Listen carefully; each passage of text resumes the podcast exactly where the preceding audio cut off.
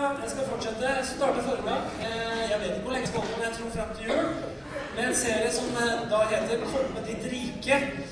Eh, og den headingen er da henta fra bønnen som Jesus lærte oss å be. Komme ditt rike, skje din vilje, i himmelen så og på jorden. Og det er en kraftfull bønn. Det har jeg snakka om et par søndager nå, men det er jo en fantastisk bønn hvis man begynner å tenke litt på hva Jesus egentlig ber oss om å be.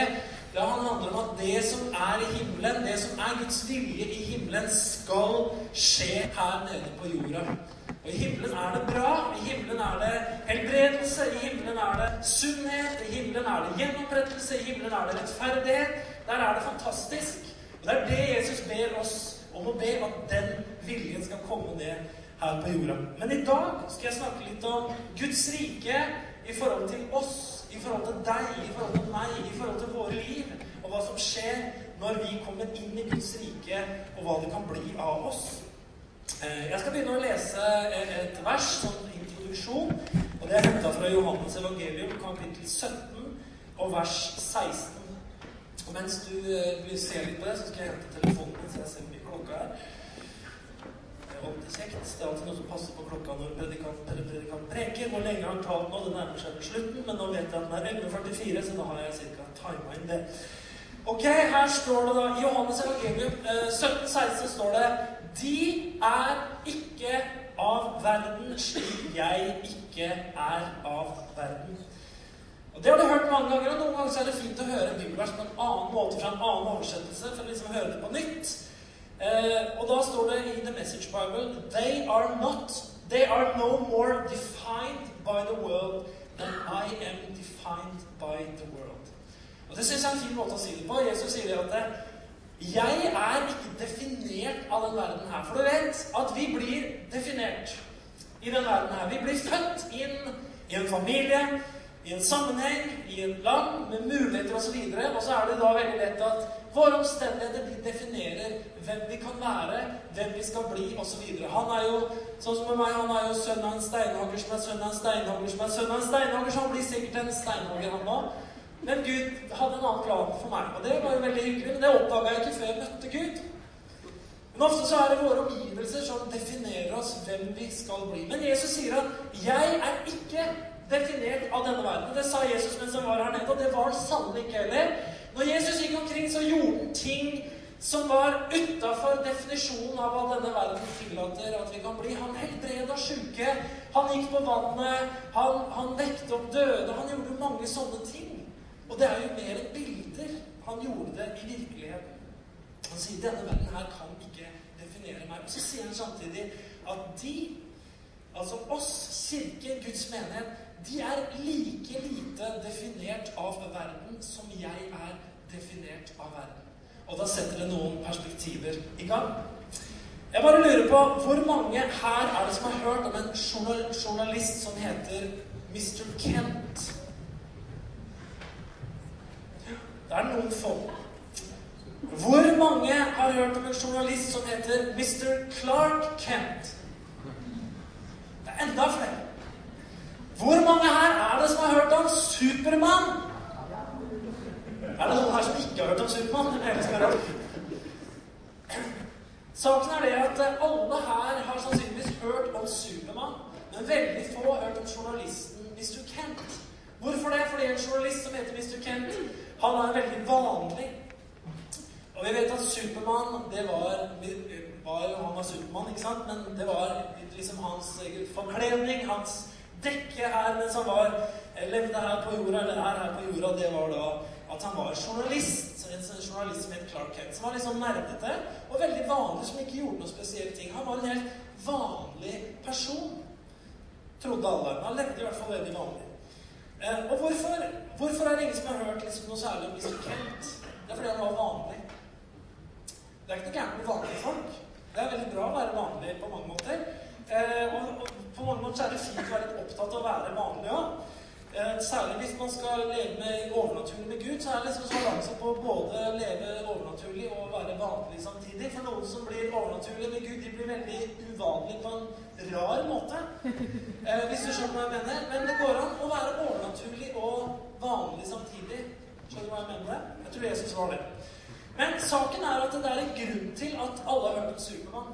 Og det er fordi han gjorde fantastiske ting. Jeg mener, Han hadde røntgensyn. Det imponerte flere av oss i barndomsåra at han hadde røntgensyn. Kunne se gjennom veggene. Veldig kjekt å ha som fine tyver og sånn. Eh, og det var jo fordi at han kom fra en annen planet. Han kom fra planeten Krypton. Eh, og den, den var planert som da Nå får vi litt sånn leksjoner i Supermann her. Greit å fange seg.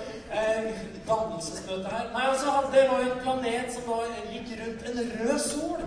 Så når Clark Kent av Supermann kommer til jorda hvor det er gul sol, så påvirker han den gule sola han, sånn at han får superkrefter. Han kan fly, og han redder mennesker som er i nød, og han fanger tyver og gjør alt det her, og har bl.a. røntgensyn. Det eneste da som kunne ødelegge for ham, det altså hvis han fikk litt kryptonitt på seg, altså litt støv fra planeten Krypton. Da vil superkreftene hans forsvinne. Men han, eh, han kommer altså fra en annen planet. Og han gjør spektakulære ting. Han blir kjent fordi han gjør spektakulære ting. Eh, det finnes jo en annen person i historien som er mye mer virkelig enn Clark Kent og Supermann. Han heter Jesus. Eh, han kommer også fra en annen planet. Han gjør faktisk det. Han kommer fra himmelen ned til jorda. Og han har med seg hva har han med seg? Han har med seg Guds rike. Og på mange måter så kan man jo liksom sammenlignes litt med Supermann, eller motsatt. Jeg vet ikke hvor vi skal, hvem vi skal ta det som er teologisk riktig.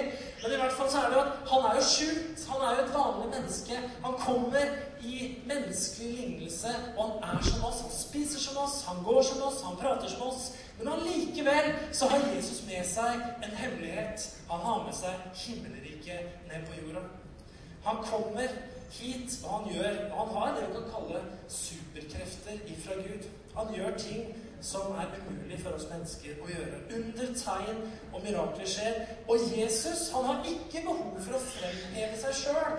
Han er også en som prøver å leve litt skjult på én måte, akkurat som Clark Kent. Men hver gang Clark Kent ser at det er noen urettferdighet som skjer i byen, så må han bare rykke ut. Han klarer ikke å la være. Sånn tror jeg Jesus var òg. Han hadde ikke behov for å lage en reklamekampanje seg sjøl. Liksom, 'Messiah is back in town', eller 'First time', liksom, eller noe sånt. Da. Han var den han var, men han så urettferdighet. Så klarte han ikke la være å handle på det. Han ble sendt for å helbrede. Jesus var summa summarum et uvanlig menneske. Han var ikke et vanlig menneske, han var et uvanlig menneske i den forstand at han hadde med seg noe ekstraordinært. Han var et menneske som brakte Guds vilje ned på jorda. Han var et menneske som sa at himmelriket har kommet nær. Han sa at Guds rike har kommet nær, og mennesker ble reist opp. Han var en som forløste svaret på bønnen 'Komme ditt rike, skje din vilje på jorden som i himmelen'. Jesus var et vanlig menneske, og han var et uvanlig menneske. Jesus var et annerledes menneske. I dag så er Jesus fortsatt på jorda gjennom menigheten. Oss, Kristi kropp. Vi består av vanlige mennesker. Men allikevel kan vi være veldig annerledes. Som Jesus sa They are not defined by this world. Bibelhistorien er full av mennesker som ble noe annet enn det de var. De ble noe annet enn det de var fordi de møtte Gud. Det var vanlige mennesker som ble uvanlige på sin måte. Det var vanlige mennesker som gjorde uvanlige ting, som skulle påvirke dems omgivelser og verden på uvanlige måter. Hvem er det som definerer oss? Er det denne verden? Er det de mulighetene denne verden gir oss? Eller er det Gud? Hvem er det som definerer hva vi kan være sammen som kirke? som menighet? Hvem er det som setter våre grenser? Er det vår kultur? Er det vår måte å tenke på? Eller er det Gud?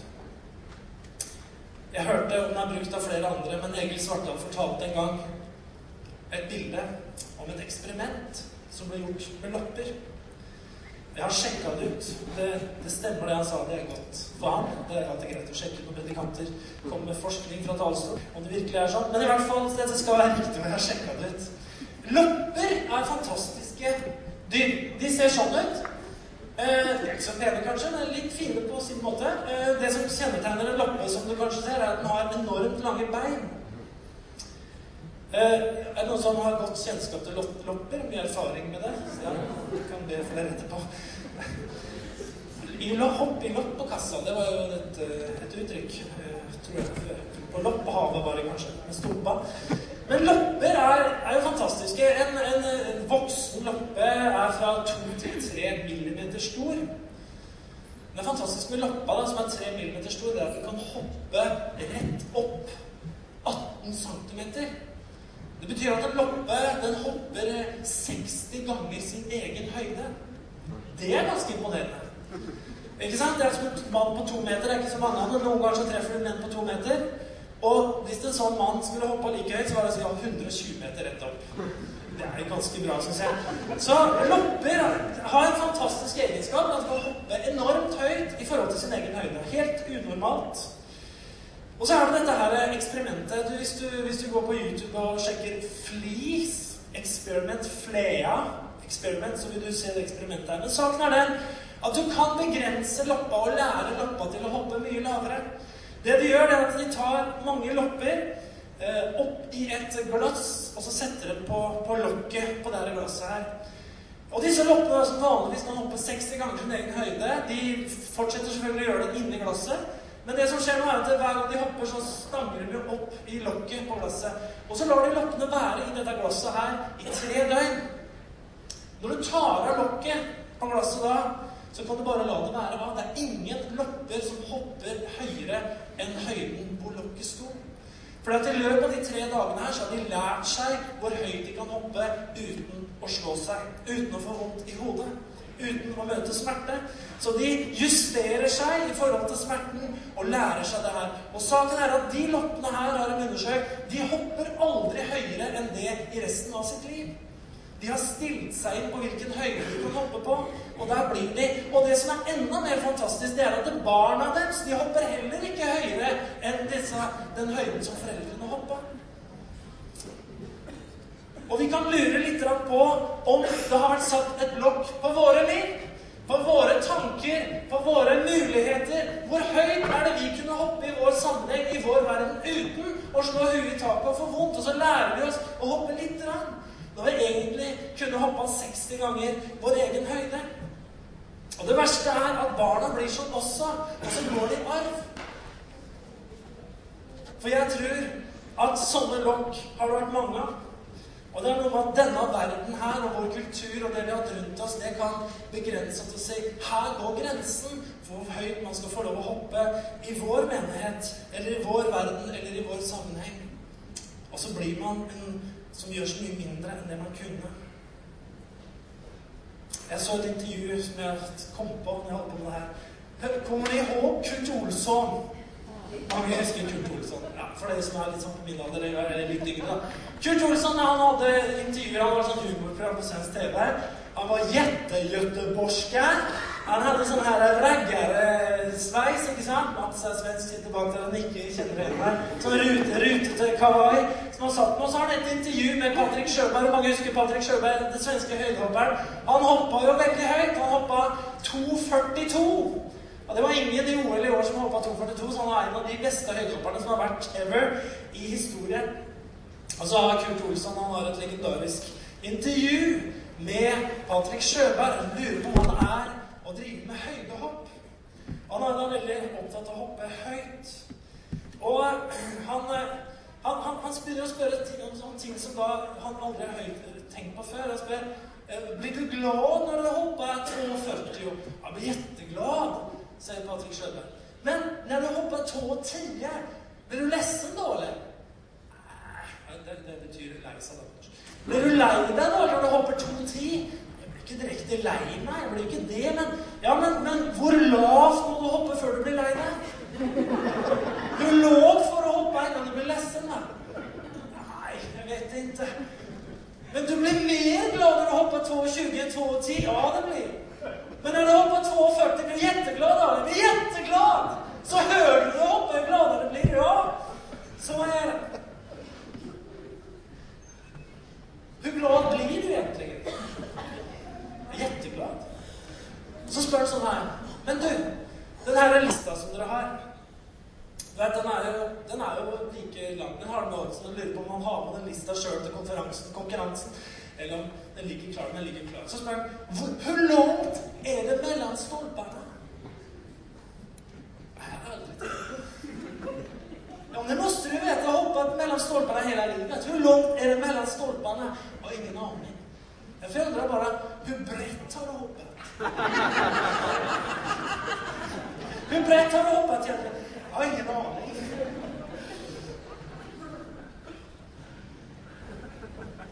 Han visste ikke det.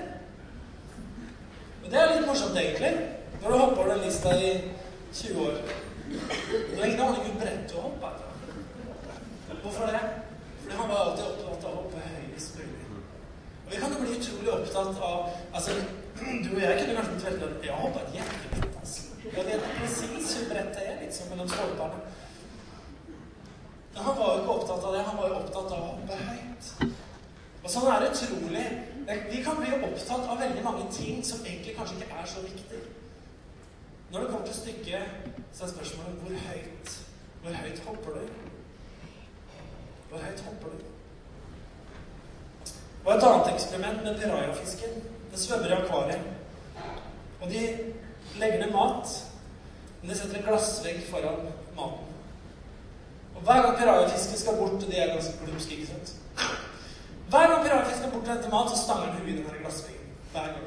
Til slutt så drar han ikke bort for å hente mat lenger. Han svømmer en annen vei. Han gir opp. Han skjønner at dette går ikke.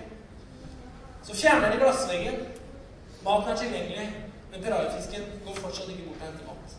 Den har lært seg at det gjør vondt å gå og hente mat. Jeg kan slå den. Det som skjer, er at piratfisken svømmer i akvariet helt til den dør av sult, selv om.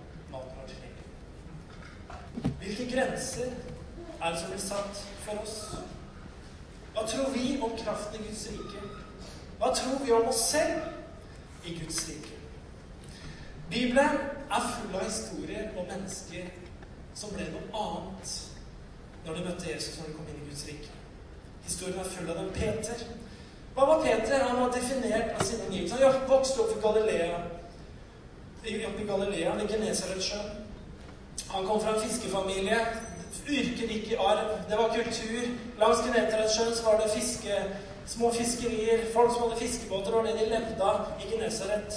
Peter var definert av sine omgivelser, sin kultur, sin tradisjon osv. Han var fisker. Han holdt på med det. Men så kom Jesus en dag. Så blir Peter ført til Jesus, og det første Jesus sier til Peter du Eller han heter ikke Peter, han heter Simon. Du er Simon. Men du skal hete Peter. Du skal hete Kefas. Det betyr klippe. Simon betyr et siv, noe som var svakt, noe som var bøyelig, noe som føyde seg etter vinden, som kunne lett bli tråkka ned. Det helt motsatte av klippe, det helt motsatte av Peter. Men Jesus, han har en annen identitet til Simon den dagen han møter Han sier, 'Du er Simon, men du skal bli til Kephas. Du skal bli noe annet. Du skal bli en klippe. Og Peter ble det.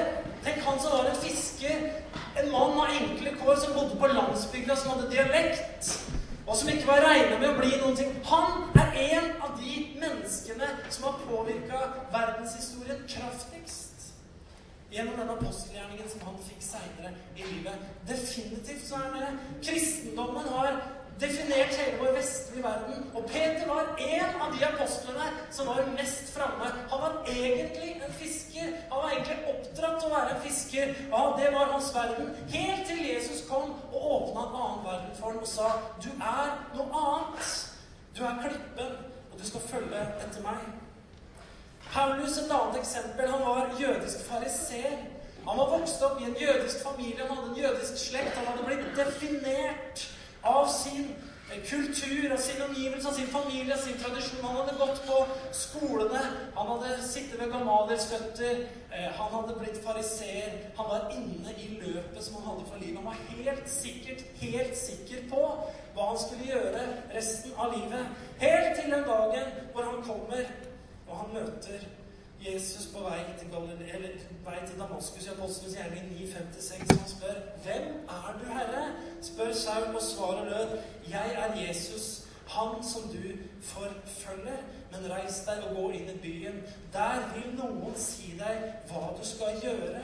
Når Paulus møter, eller Saulus møter Jesus, så blir han konfrontert med en Jesus som ville noe annet med livet hans. Gå inn i byen, så skal jeg si deg hva du skal gjøre. Paulus hadde vi ikke hørt om, hadde ikke vært for det møtet her. Paulus han var vokst opp i det her. Han ville vært en trofast, nidkjær jøde for loven, en fariseer resten av livet, om det ikke var for at Jesus sa Gå inn til byen, så skal jeg si deg hva du skal gjøre. Han fikk et annet oppdrag når han kom inn i Guds rike. Han ble hedningenes store apostel. Han skrev to tredjedeler av Nytestamentet og har påvirka vår verden kolossalt i ettertid. Det fins mange eksempler. Tenk i Norge Hans Nilsen Hauge. Han gikk på jordet. Han var bondesønn. Østfold, borti Tune. 5. april 1796, 25 år gammel, så går han på jordet når Den hellige ånd slår ned ham. Så blir han forvandla blir til en annen mann. Og han sier sjøl at Guds kjærlighet besøkte ham. Han ble vekkelsespredikant. Han ble industrigründer. Sporet etter Hans Nilsen Hauge kan følges i Norge en dag i dag. Der hvor han var, så er det fortsatt levende mennesker. Jeg hørte på en sosiolog fra Trøndelag som eh, jobber i offentlig forvaltning. Eh, han var på en Don-konferanse som jeg var på for et par år siden. Og han fortalte om, han viste områder i Norge, kommuner, kommuner hvor Hans Nilsen Hauge hadde vært, hvor det fortsatt i dag var levende, blomstrende menneskeliv. Mens i kommunene han ikke hadde vært rett ved siden av, så var det helt dødt. Det var både kirker og bedehus og frimenigheter. Hans Nilsen Hauge var i frihet i 18 år som predikant. Han ble kasta i fengsel, satt i sju celle. Han skrev i perioden på 18 år så skrev han 33 bøker samtidig som han starta industri- og handelsforetak og holdt vekkelsesmøter i en periode på 18 år. Hvorfor det? Fordi han møtte Gud, som definerer til noe annet. Vi kunne fortsette med Moses, som ikke kunne holde en tale, men som allikevel blir kalt av Gud og holder en lang tale til slutt. Vi kan snakke om David, som var så ung at ingen brydde seg. Ingen trodde at han skulle bli brukt av Gud, men det var han Gud la sin hånd på. Vi kan snakke om Josfa som hadde så liten selvtillit så liten selvtillit at han ikke trodde at Gud kunne bruke ham. Gud må si 'Jeg har befalt deg, vær frimodig og sterk'. Vi kunne snakke om Stefanus som egentlig jobba med matutdeling i menigheten, men som endte opp med å gjøre under og tegn blant de menneskene som gikk for å få mat. Og som endte opp som den første martyren i denne kirkehistorien. Vi kan snakke om Philip som var toller, men som ble apostel. Vi kan snakke om Jakob, halvbroren til Jesus, som en periode tvilte på om Jesus var Guds sønn, men som endte opp med å bli leder for menigheten i Jerusalem. Vi kan snakke om grunnleggeren av vår bevegelse, pinsebevegelsen, Thomas Baal Barrat, som gjorde så mye godt. I utgangspunktet etter han møtte Jesus, så ble det skapt pinsevekkelse over store deler av Europa etter at han ble overveldet av Den hellige ånd. Jeg husker jeg gikk på bibelskole. Det er mange år siden. Jeg har fortalt det før til noen av dem. Men jeg husker det Jeg gikk på bibelskole i Uppsala. På Livets Ord. Det var litt sånn omstridt på den tida. Men i hvert fall, jeg dro dit og hadde stor glede av det. Men jeg, jeg hadde en oppgave når jeg var på Livets Ord. Det var nattvakt, så var det så mange som var der og terka på veggene og skulle gjøre bønn. da. Så de hadde nattvakter. Så jeg gikk nattvakt der borte på Livets Ord. Og da gikk jeg aleine i dette store lokalet om natta og gikk, gikk runden og fulgte litt med. Og så gikk jeg inn i den store salen Det var ingen som så da. ikke sant? Jeg går på plattformen der selv bak talerstolen bare sånn lite grann. Og så kikka jeg utover. Da var det 5000 sitteplasser. 5000 sitteplasser. Og så tenker jeg på alt det livet som var. Det var vi var over 1000 bibelskoleelever. Det var uh, over 2000 mennesker der på gudstjeneste hver søndag. Det var 800 barn i barne, i barne på søndagsskolen. Det var skole, det var misjonsarbeid. Over hele det gamle Sovjetunionen var misjonsarbeid, menigheter som ble starta.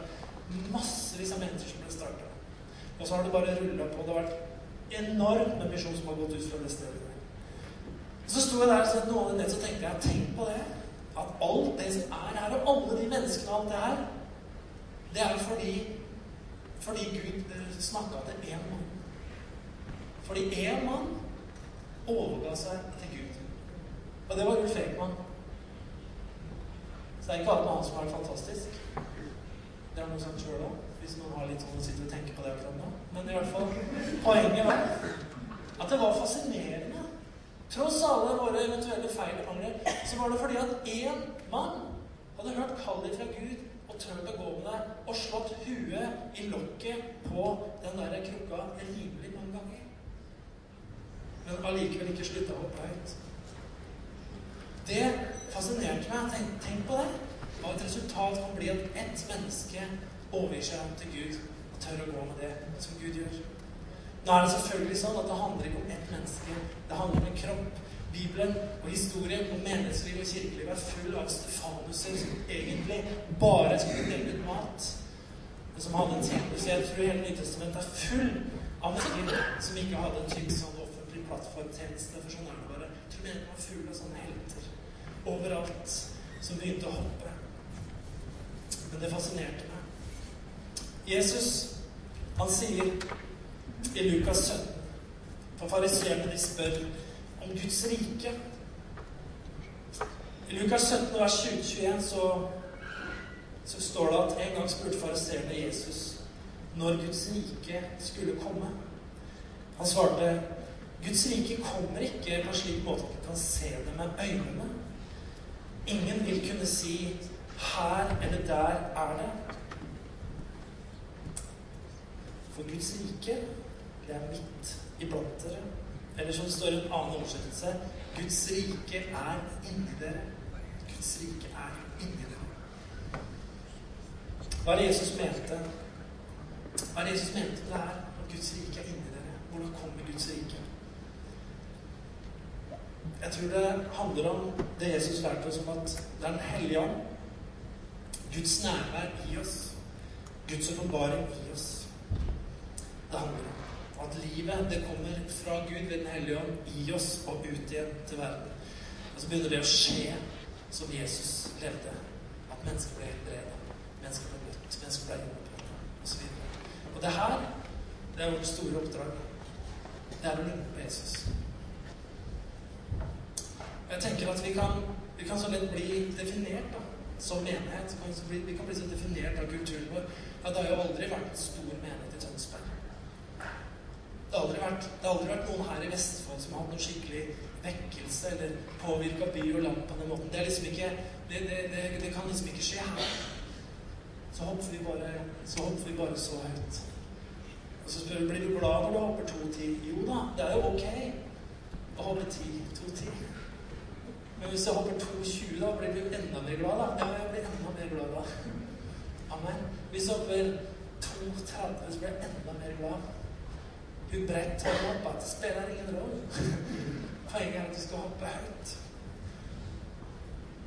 Jeg tror at eh, Jeg tror at alt er mulig hvis du begynner å lytte til Gud. Og det handler ikke om hvilken tjeneste, det handler ikke om hvilken størrelse. Det handler ikke om kjendiseri. Det handler ikke om at Jesus søkte å bli kjent. Det handler ikke om, ikke handler for oss å søke å bli kjent på en måte som er til liksom en egen greie. Men hør da. Verden trenger Jesus. Verden trenger rettferdigheten, opprettelsen, nåden, kraften, helbredelsen. Det trenger jo verden. Og det er det Jesus handler om. Det er det menighet handler om. Det er det kirke handler om.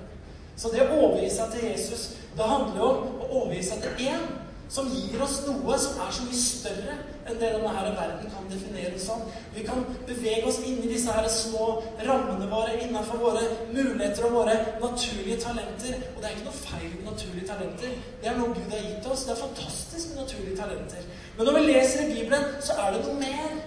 Det er noe utenfor det. De er like lite definert av denne verden som jeg er definert av denne verden. Alle de som levde nær på Jesus og fulgte ham. Det skjedde noe med livet deres. De ble en annen. De ble en annen. De fikk en ny identitet på en eller annen måte. Og det indre blikket deres det ble så mye større, og det ble åpna. Og det er noe av det som er fantastisk når Guds rike er midt iblant oss. Det er at det fins muligheter både for den enkelte av oss. Men for oss som fellesskap, som kirke, så er mulighetene enorme. Om vi tør å gå med Gud og begynne å lytte inn. Gud, hva er det du kaller meg til? Gud, hva er det du har lagt i mitt liv? Gud, hva er det jeg skal ære deg med? For det er syvende og siste det det handler om. At det Gud gir oss, det kan vi få lov å gi tilbake til Gud og til den verden som vi er en del av. Amen. Johannes 17, 16. De er ikke av verden, slik jeg ikke er av verden. They are no more defined by the world than I am defined by the world. Fredrik, kunne ikke du tatt piano og spilt litt? Det er så fint. Det her er noe som jeg tenker, eh, som jeg opplever da, eh, ligger på Guds hjerte. da. Det er at vi skal begynne å se større. Begynne å se større. Begynne å se større på ditt eget liv. Og jeg kan ikke på en måte tale deg inn i det eller overbevise deg inn i noen ting på den måten, men jeg tror at Den hellige ånd er her. Jeg tror at Den hellige ånd han er, han er til stede for å prate til deg og meg. Og jeg tror at eh, Den hellige ånd han ønsker, å, han ønsker å definere Han ønsker å definere oss.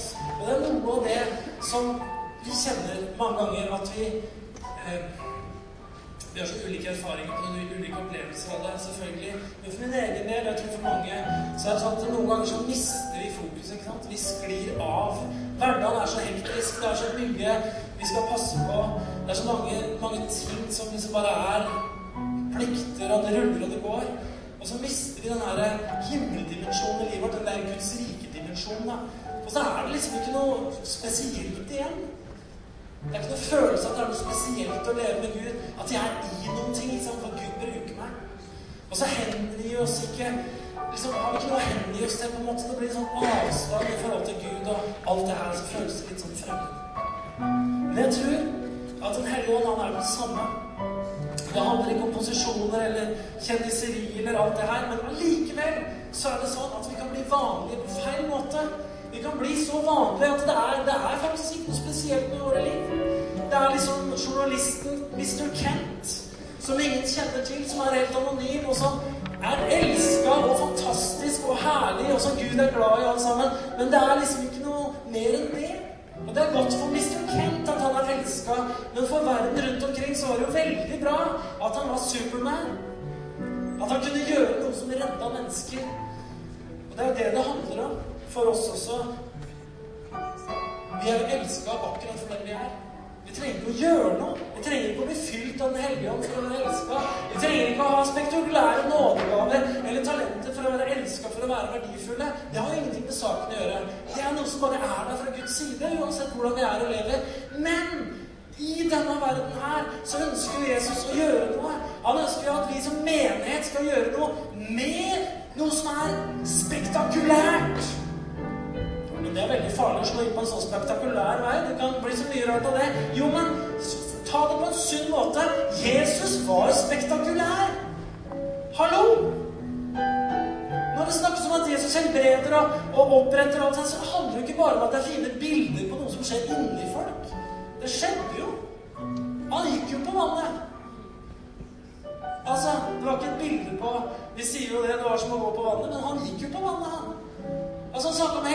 så var ikke bilder på at det skjedde noe inni eller et eller annet i tankeverdenen. Han gjorde jo det. Ikke sant? Han utførte jo ting. Men Det er det det handler om. At Jesus har noe mer. Og så må vi aldri liksom bare komme inn i den der lille glassgreia hvor lokket har vært på så lenge at både vi Vi hopper bare fem ganger vår egen høyde, og barna våre de skal gjøre det samme, ikke sant? Så ikke kom her. Jeg snakka med en pastor for en liten stund siden som, fra en menighet. og Han hadde ekstremt store problemer med å få medarbeidere. Så sa han du skjønner, de er så ydmyke. Jeg har alltid vært i den forsamlingen, de vil liksom ikke ta plass på den måten. Og liksom være framme. Ja, det var litt av en ydmykhet. Kjempefint at du er så nøytral og nedhilt. Boksen din er ikke hopper høyere enn noen har gjort på lenge. Men loppa Hvis du kan sammenligne deg sjøl med loppe Det er et dårlig bilde. Den var skapt for å hoppe 60 ganger sin egen høyde. Og så kan vi venne oss til noe annet. Alt er mulig for den som tror. Amen. Jesus, vi takker deg for at du kom fra en annen planet. At du kom fra himmelen. Du valgte å forlate en tilstand av herlighet, av kraft og rettferdighet og fullkommenhet. Og så kom du ned, ned til oss, på vår jord, på vår planet, Herre. Og så hadde du med deg himmelriket. Du sa 'himmelriket er nær'. Forkynn evangeliet om riket. Guds rike er kommet nær. Og takk, Herre, for at beviset på det var at mennesker opplevde noe som var utafor det som kunne skje i denne verden. Det var gjenopprettelser som ingen i denne verden kunne skaffe. Det var helbredelser som ingen i denne verden kunne gi. Herre, det var visdom som ingen i denne verden kunne gi. Det var håp som ingenting i denne verden kan gi. Herre Jesus, takk for at du kom, og du lot deg ikke definere av denne verden. Takk, Herre, at du, du gjorde det umulige. Du hoppa som Guds sønn, som menneske, så hoppa du så mye høyere enn noe annet menneske som har gått her på jorda. Og så sa du at vi skulle være dine etterfølgere og gjøre det samme. Jeg takker deg, Jesus, for vi er din kropp, som du har kalt til å være det samme. Til å være frimodig. Til å leve i riket, Herre. Jeg takker deg formen av Jesus Kristus, for at du taler til mennesker som sitter i denne salen, Herre. Og kanskje lokk har blitt satt på i mange døgn. Hvor man bare har slutta å hoppe høyt. Takk, Jesus, for at i formiddag er det så taler du til noen her inne om å bli helbreda og begynne å hoppe høyt igjen. I Jesu navn. I Jesu mektige navn.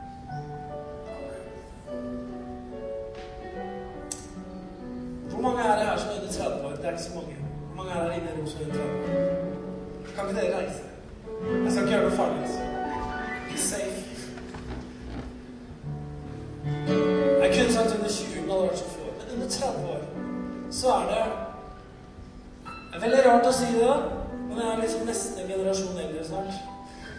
Nærmer seg fort.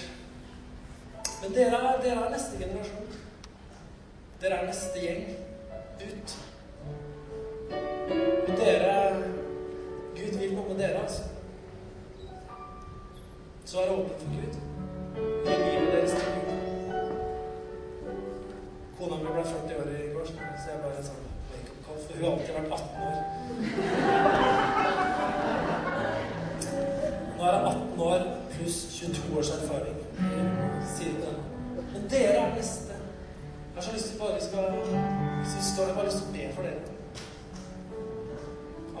Jesus, vi takker deg. Takker deg for de som er her i det rommet i formiddag. Under 30 år. Herre. Jesus, jeg bare priser deg for dem, at du skal komme til dem på en spesiell måte og møte dem, her.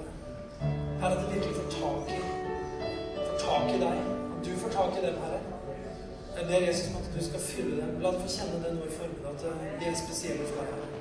Du har noe for dem, Jesus. Takk for at det, det livet de har foran seg, det er ikke, det er ikke bare et liv for dem sjøl, men takk, Herre, at det er et liv. De har liv som kan påvirke mange. Takk at de kan bli pionerer. De skal bryte nytt land. De kan skape nytt. De kan følge deg og bli til stor velsignelse. Takk for din velsignelse over dem, Herre. Ta oss. Ta tak i livet deres, Herre, som aldri før. La dem løpe med deg.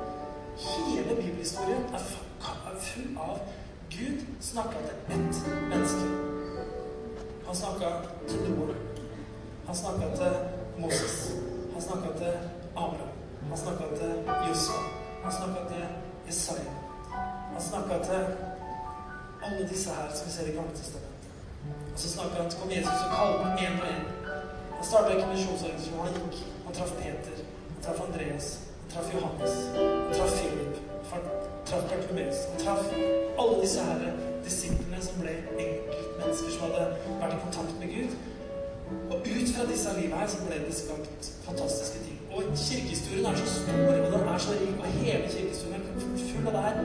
Gud får tak i et menneske, og så skjer det ting ut fra det.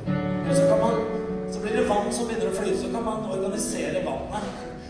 Lage demninger og sluser, og man kan gjøre masse. Det er menighetsbygging, kanskje, men i bunn og grunn så handler det ikke menigheten om organisasjon. Det handler om mennesker som har hørt fra Gud. Det handler om mennesker som har blitt berørt av Gud, Ja, men jeg venter på at organisasjonen skal eh, skape en mulighet for meg. Det er ingen i Bibelen som har liksom stilt det spørsmålet. Er det ikke noen organisasjon som kan skape rom for meg? Det er ikke alltid feil å stille spørsmål, det er ikke det jeg sier. Men i utgangspunktet så handler det om mennesker som har blitt berørt av Gud. Hvor det er vann som sprenger seg. Det er det det handler om. Amen. They are no more defined by the world than I am defined by the world. Det er dagens vers. Da sier jeg ammen. Fortsatt god formiddag.